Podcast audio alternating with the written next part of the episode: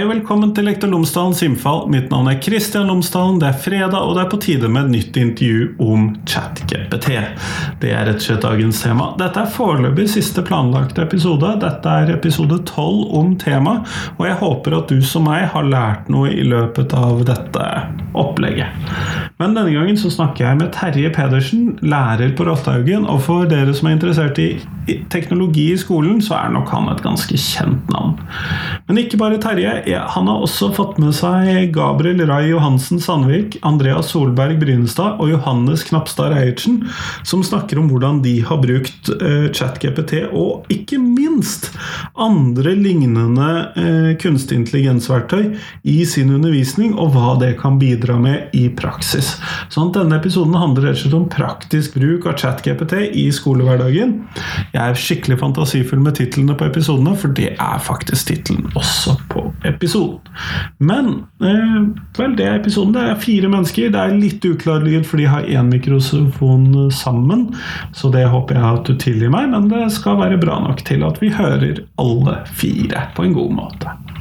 Ellers, podkasten er som vanlig sponset av Fagbokforlaget. Og de sponser podkasten fordi de tenker at den tar opp viktige temaer som angår skole og lærerutdanning, og de tror at dere som hører på denne podkasten er opptatt av det samme som Fagbokforlaget. Hvordan ny forskning kan påvirke og forbedre praksis i skolen. Og Derfor så håper de rett og slett at du kan høre på denne podkasten nyte den, lære noe, og kanskje også bidra inn i podkasten senere med dine tips. Eller gå på fagbokforlaget.no og finne interessante bøker både for skolen, men også for utdanningene. Så håper jeg at du kan gjøre det på fagbokforlaget.no. Men nå, nå skal du få høre Terje, Gabriel, Andreas og Johannes. Det var alle fra Rotthaugen skole. Vær så god.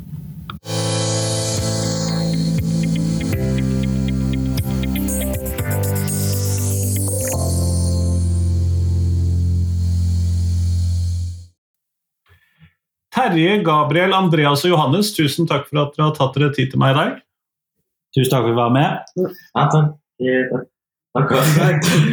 Før vi kommer sånn helt i gang med denne samtalen, så hadde jeg håpet at dere kunne fortelle lytterne mine tre ting om dere selv, sånn at de kan få bli litt bedre kjent med dere. Og jeg tenker vi starter fra venstre mot høyre, så Terje, eh, du først.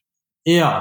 Terje Pedersen fra Askøy utenfor Bergen tobarnsfar og eh, lærer nå i over 20 år. Eh, og min gamle praksislærer, blant annet. Ja. Gabriel? Ja, Gabriel eh, Ray Johannessen fra Bergen, Sandviken. Jeg liker å drive med skuespill og klatring. på ja, Andrea Solberg Brunestad går på Rødtun skole og spiller håndball på fritiden. Eh, Johannes eh, Knapstad Reidsen. Eh, jeg bor i Sandviken, Bergen, og trener på treningssenter og spiller på fritid. Kjempeflott, tusen takk. Terje, hvordan bruker du kunstig intelligens i ulike former som en del av læreryrket, undervisningen, ja, i det hele tatt? Eh, ja, vi har brukt det på litt forskjellige ting. Vi brukte jo uh, chat-GTP helt i begynnelsen når han kom, og på en måte vi egentlig ikke helt visste hva det var for noe. Uh, elevene har, uh, fikk en oppgave i samfunnsfaget å diskutere med den på en måte ut der du skulle få den chat-GTP diskutere ut fra en rolle vi hadde om andre verdenskrig. Da skulle måte, den svare hvordan en sovjetisk soldat skulle være. Så vi har på en måte jobbet litt med det. Vi har diskutert det litt etiske Eh, tingene rundt ChatGP, på en måte både hvordan finner informasjonen sin og på en måte disse tingene her, hvordan påvirkning det kan ha på, på verden og skolehverdagen deres. Vi har brukt en del eh, kunstige verktøy, bl.a. til um, å lage en NRK Urix-sending der elevene skulle ta med tidsvitner. Så de lagde en Først genererte de et bilde måte, av f.eks. en vietnamesisk soldat. Og så på en måte la de det bildet inn i programmet og på en måte ga den tekst den skulle måte spille av. Og så måte brukte den eh, det til å måte lage akkurat som du gjorde et intervju. da, Men det, det måtte alltid generert av uh, kunstig intelligens-verktøy.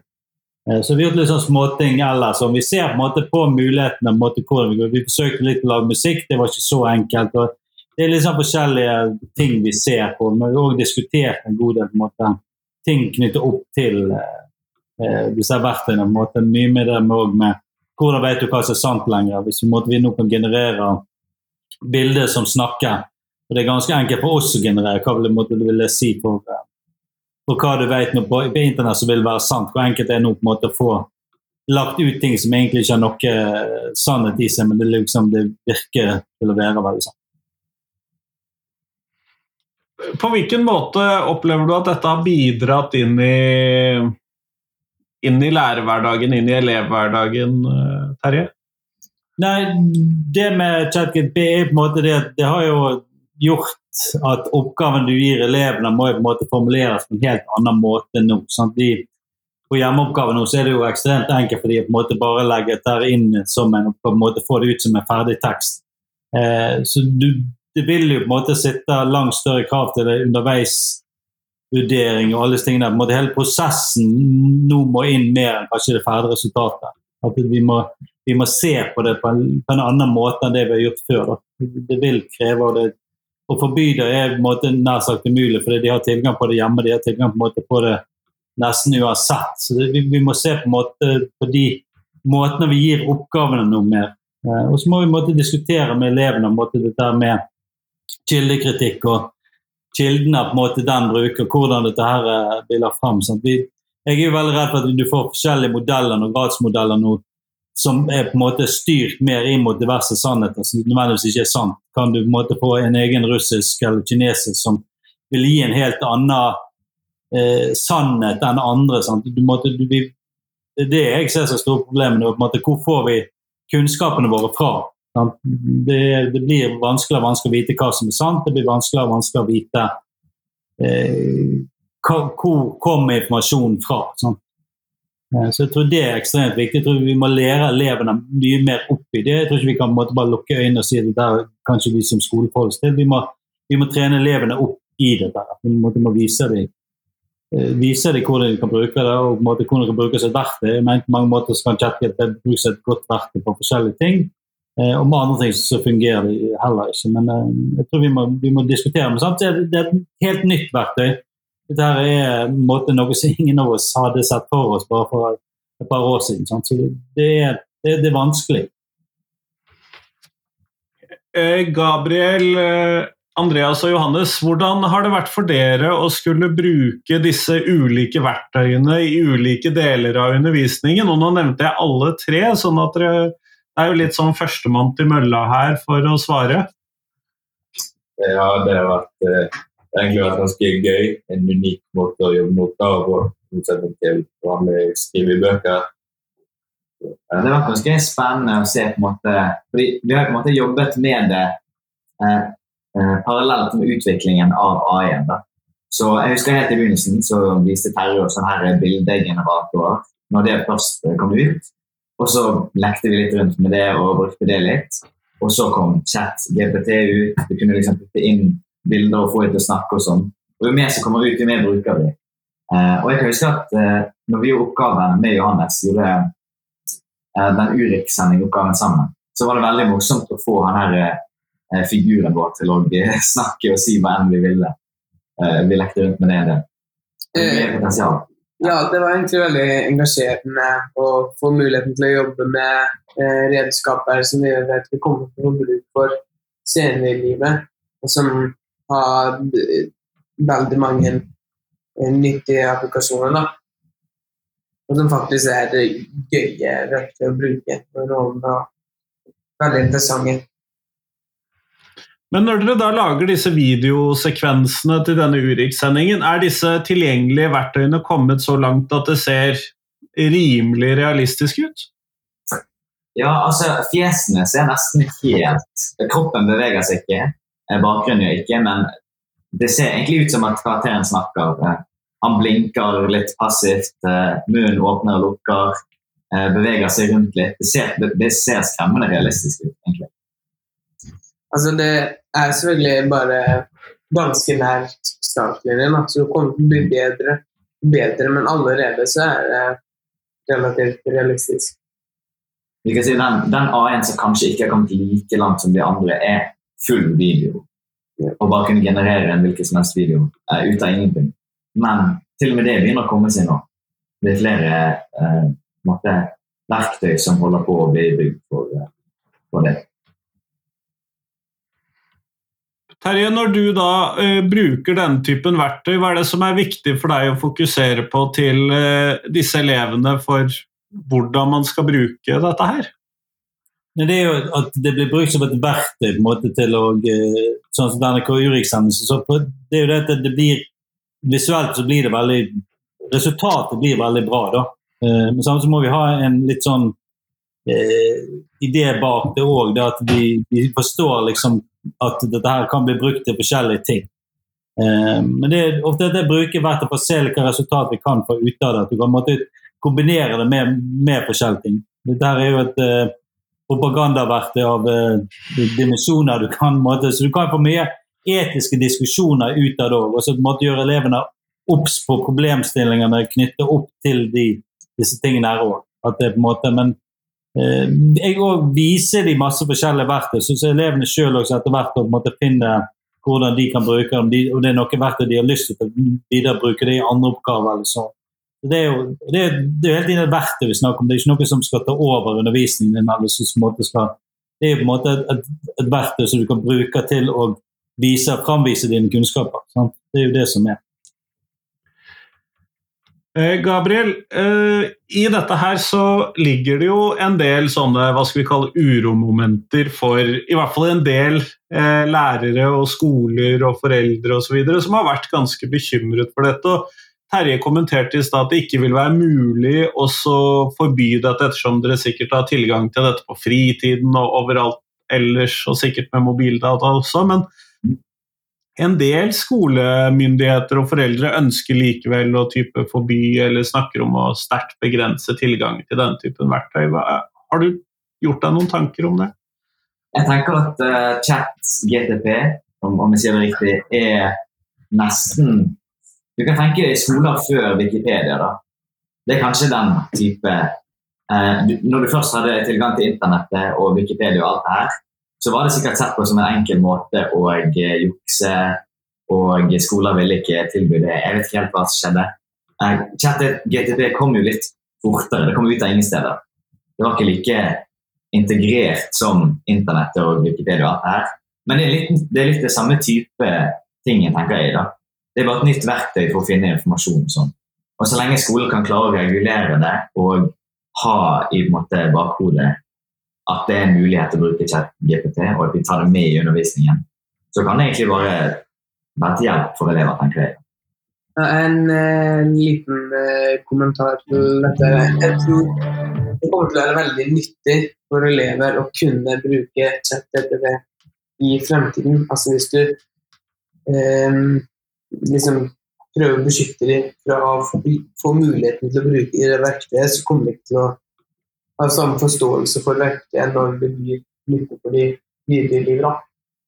Ja, jeg tror ikke det er så mye vits i å prøve å forbi chat-GPT, fordi det kommer til å greie det uansett. Så man burde heller måtte akseptere at det er kommet for å bli, og, eller utnytte den ressursen det kan være. Det er jo kommet løsninger sånn som Randaberg-skolene som måtte ha uh, laget sin egen versjon der de måtte innlogge tingene der. Så det, det er jo muligheter der ute på måte for å eh, gjøre en del tingene som knytter opp til personvern. Så finnes det noen løsninger for hvordan du kan bygge din egen som eh, Det finnes jo løsninger for de tingene der òg. Men jeg ser jo det. Vi er jo av og til på jakt etter å vite hva elevene kan på, på om det er skrivedag eller de tingene. Så I noen tilfeller tenker jeg også at det, det bør Og det finnes jo verktøy som kan låse ned PC disse tingene her, men eh, da tenker jeg da er det mer sånn at du vil vite nøyaktig hva elevene kan der og da. Eh, mens eh, oftest tenker jeg at dette er brukt som et verktøy underveis eh, for elevene. På en måte de, kan bruke det som et verktøy. På hvilken måte bidrar disse verktøyene inn i din eh, lærerhverdag? Ikke da tenker jeg på det utover undervisningen, Terje. Ja, det er jo eh, litt forskjellig hvordan du Noen av disse her eh, Jeg har jo på en måte begynt å legge meg litt med en del av kunstig intelligens-verden. Både lager bilder og alle disse tingene som er på en måte eh, jeg syns hvert fall veldig interessant når du, du måtte lage dine egne bilder. Jeg har sett litt på video og lage video en del av disse tingene her som er eh, Og så er det av og til på en måte når du skriver eh, tekster på måte, at du måtte gi og få tilbakemelding på de gjennom den måtte, hvordan det er. Eh, så det, eller måtte be om ideer på måte når du skal skrive eh, oppgaver som går utenom kanskje skole eller andre fritidsinteresser. Du bruker en måte til å få innspill på ting. Så det, jeg bruker på en måte det, til det òg, da.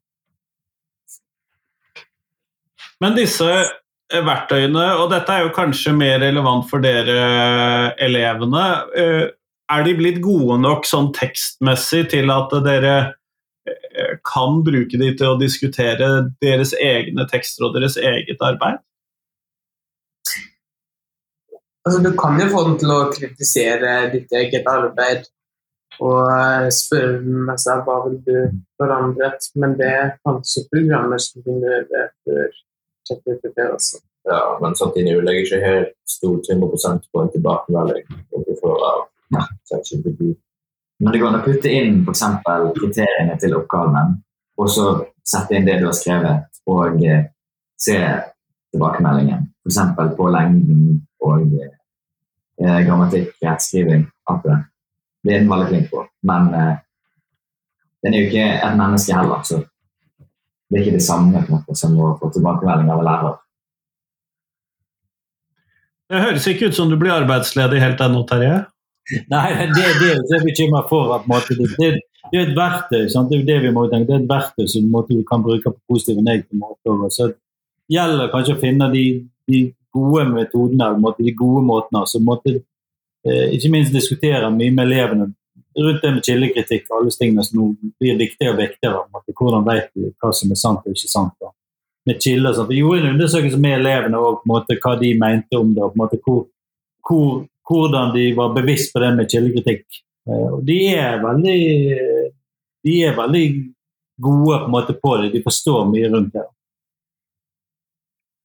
Det blir jo da krevende. Vi har jo sett dette tidligere, eh, en del eksempler hvor eh, ChatGPT og lignende verktøy kommer opp med relativt eh, både lite gode kilder og vel fullstendig usannheter.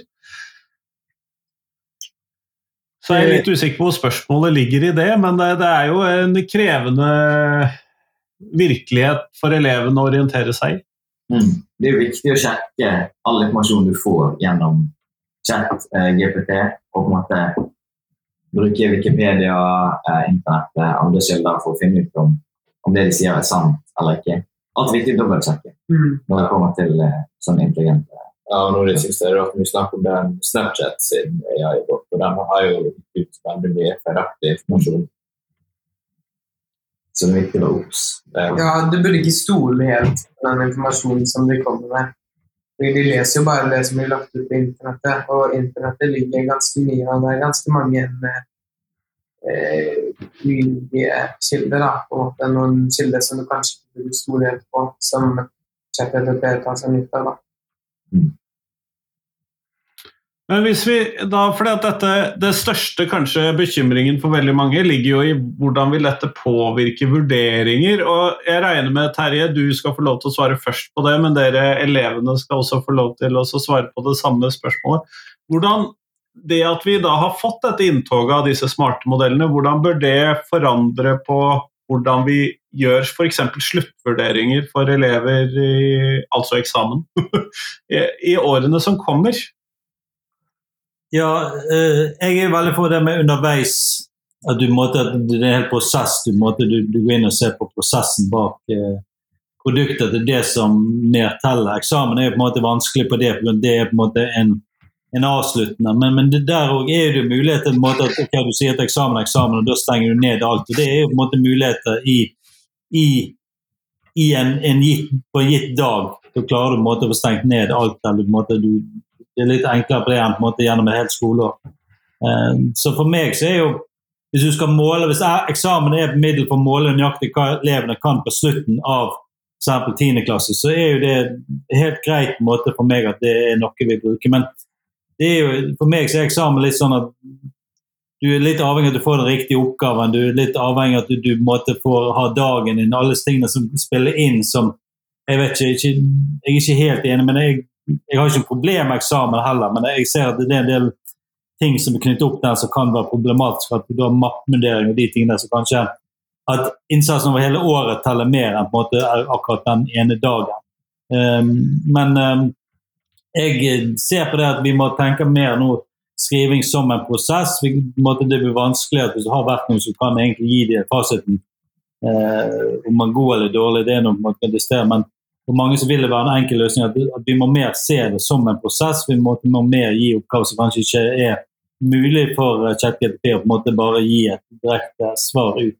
Og at måte, elevene jobber mer, mer, med tingene sine. Måte, og de, de blir de får tilbakemelding underveis, og de, måte, hele denne prosessen der blir mer inne i hele vurderingen. Gutter, hva tenker dere?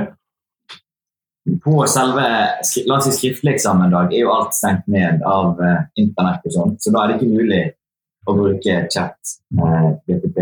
Telefonen er også tatt vekk.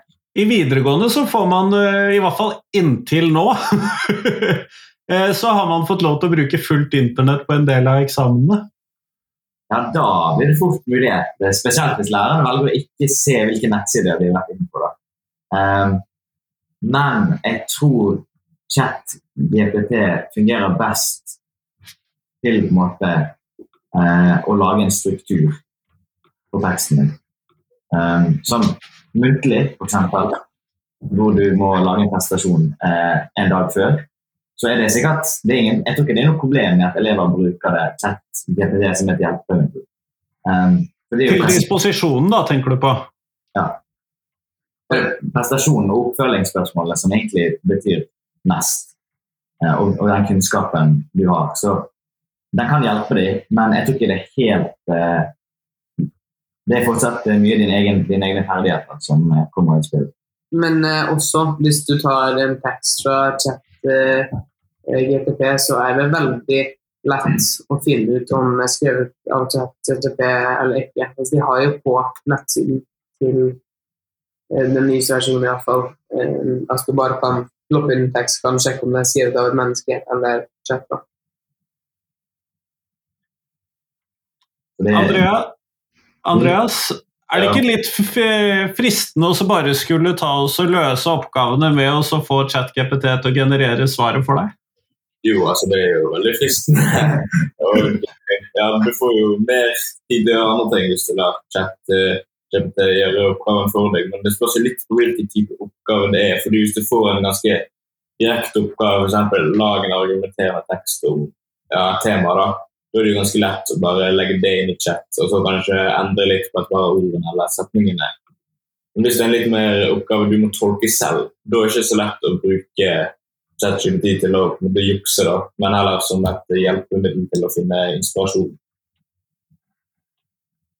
Ja, jeg syns det er veldig gøy, for det er jo ganske lett å se at noen av tekstene er laget av eh, ChatGPT og lignende, fordi at de starter alltid på den samme måten, og det ser ikke ut som elever og studenter husker å fjerne den der første startlinja med, som gjentar oppgaven. Eh, det syns jeg er gøy. Har du tenkt noe over det, Terje? Ja, eh, jeg har jo tenkt, og jeg har jo sett elever, men det er jo liksom det der eh, som en elev sa til meg, kan du bevise det? det, du kan egentlig ikke bevise det i det hele tatt. for Selv om den uh, ChatGPT detektoren sier det, så er jo ikke det sant. Det, det, det er jo veldig, Du kan legge inn tekster du har skrevet selv, og den kan komme opp med at den er skrevet av ChatGPT. Så det, det, er veldig, det, det er vanskelig, den bevisbyrden. og vet, det som han lever sånn, Jeg kan ikke bevise det egentlig at han ikke har uh, skrevet den. Uh, det, er jo, uh, det, er, det, er jo, en vanskelig ting. Det er en annen ting en måte før når du hadde andre slør de tingene der det kom opp nøyaktig hva nettside var tatt fra. Det var, måte, det var skrevet der. Men den uh, ChatGPT skriver på en måte bruker jo du, du finner ikke det tilbake igjen nøyaktig der den har funnet. Sånn. Når den ikke bruker disse kildene eller i kildene, så er det vanskelig å bevise det ettergang. Så det er jo en utfordring på det. Ja, Det er jo interessant hvordan de har bygget inn en litt sånn tilfeldighetsgenerator inn i disse verktøyene, også for å få teksten til å se mer levende og, mer, og mindre repetativ ut. Og det gjør det jo vanskeligere å generere plagiatkontroll for dette. Mm. Eh, Det syns jeg er interessant. i dette. Men kan vi bruke det Terje, til å løse en del av de hva skal vi kalle, mer kjedelige delene av eh, læreryrket? Er- Det er jo en del e-post, blant annet. Eh, jeg vet ikke, jeg er ikke helt der tror jeg at vi skal på en måte begynne å gjøre det. for det er litt sånn, Hvis han begynner å sende e-poster og alt sånne ting, så, så du tar vekk mye av det å være lærer. måte Han skal rette disse tingene her. Det er jo klart at det, Du tar vekk mye av det som er lærer. hvor du på en måte, hvis, Jeg har vært på som forelder, hvis jeg visste at jeg fikk det var ChatGTP som skrev svarene som jeg fikk på mailen, så vet ikke om jeg eh, eh, hadde vært så veldig fornøyd med det heller. Eller elever måte Hvorfor skal vi si til elevene at de, de skal ikke bruke til å skrive tekst, men jeg kan, jeg kan bruke det på rettingen sin del. Sant? Så det, det er mange etiske oppgaver. Men at eh, jeg tenker sånn som en, en, en samtalepartner for elevene, kanskje til muntlig eksamen, der de diskuterer noen tema, det, det tenker jeg er kjempegreit. Det kan ut, utjevne litt det for de som ikke nødvendigvis har foreldre hjemme som kan hjelpe dem. At du kan bruke det som en samtalepartner på en del forskjellige ting. Det, det tror jeg måte, det kan bli brukt som et verktøy på den måten der. Eh, at du, måte, eleven kan bruke det som et hjelpemiddel som kan utjevne litt av forskjellen. Sånn, vi ser jo det på en måte, De med foreldre som følger opp eller på en måte har høyt uniform foreldre, så er det på en måte, de har en fordel. Så kanskje den kan utjevne litt av det. Du får en, en samtalepartner de kan diskutere med, og det kan bli brukt noe sånt. Da er jeg kjempefor. Ja, og Hvis det er én ting vi vet om lærere, så er det jo det at de ofte har mellom 20 og 30 elever. Og det også skulle gå rundt i et klasserom eller følge opp de, eller klokka er to om natten og eleven sitter og arbeider, så kan det tidvis være litt tid mellom hver gang man får tak i en lærer selv i et klasserom. Ja, Så der ligger det jo absolutt noen muligheter der. Ehm, Og det er jo greit nok for elever som har foreldre som er lærere, og som har stålkontroll på det som skjer i skolen, men det kan jo være vanskeligere å, å få den nødvendige faglige samtalen med de hjemme også. Sånn at eh, her tror jeg du peker på noe viktig i disse mulighetene som ligger der. Eh, Men hvis dere alle fire skulle komme med noen råd da, til andre skoler, lærere, elever om hvordan bruke ChatGPT og lignende kunstig intelligensverktøy i eh, skolehverdagen eller til skolearbeid, eh, har dere noen råd der? Og vi starter som vanlig med Terje, fordi at det er eh, mest rettferdig. Ja. Eh, ja. Råd Jeg tror det er å, å tørre å ta i bruk litt av hvert, ikke være så bekymra, men måtte tenke at det, det er verktøy. At det, det, det, det er det det er, og at vi har ikke den Jeg er ikke noen ekspert, og det, det, på en måte, det er få som måtte er eksperter innenfor kunstig intelligens. Se på verktøy, se mulighetene, og så måtte teste ut litt i lag med elevene. Eh, og så se noen ting det er ikke brukende, noen ting går an til bruk. Vis det for elevene. på en måte Snakk litt om disse tingene. her, og på en måte Snakk både med fallgruver og på en måte hva som kan være fordelene med. Jeg vil si at eh, det er viktig å alltid sjekke kildene. Sjekke informasjonen riktig. Um, du kan bruke til eh, struktur på en tekst. Tilbakemeldinger, hjelp med grammatikk og eh, inspirasjon. Ideer er kanskje de beste tingene eh, du kan bruke den til. Unntatt å bare putte inn oppgaven for å gjøre det for deg. Eh, Men som hjelpemiddel. Ja, jeg vil si at eh, ikke bare bruke ChatGPT, men heller utforske muligheten til å bruke andre verktøy. Det er så mange gode uker der som ikke er like kjent som ChatGPT, men kanskje minst like gode. Så utforske litt andre redskap. Johannes? Ja, um, egentlig uh, ikke, ikke stol helt på uh, chat eh, GTP. Eh, fordi de vil alltid prøve å gi et svar. Hvis jeg ikke har et svar å gi, så kommer de på et svar. Men eh, som Gabriel sa, så er de veldig gode på å lage inspirasjon, og på kanskje få laget en innledning da, som du kan bygge videre på. Eller en start på en presentasjon som du kan bygge videre på. da. Ja, det kan jo veldig ofte være ganske vanskelig, særlig den der første sliden eller første ideen. eh, Den kan jo ofte være den tyngste å lage når man skal lage en presentasjon. Men Kjempeflott. Eh, Terje, Gabriel, Andreas og Johannes, tusen takk for at dere tok dere tid til meg i dag. Tusen takk for at vi var være med. Ja, Takk for at vi med.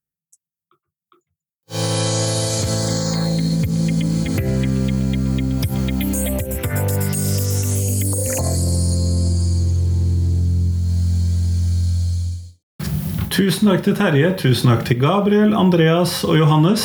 Tusen takk til deg som har hørt på. Tusen takk, alle sammen.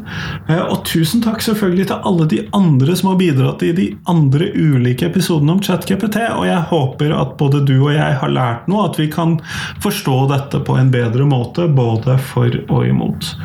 Ellers, nå er det snart helg, det er snart sommerferie, og jeg håper at eh, du får tid til å roe ned etter et langt skoleår.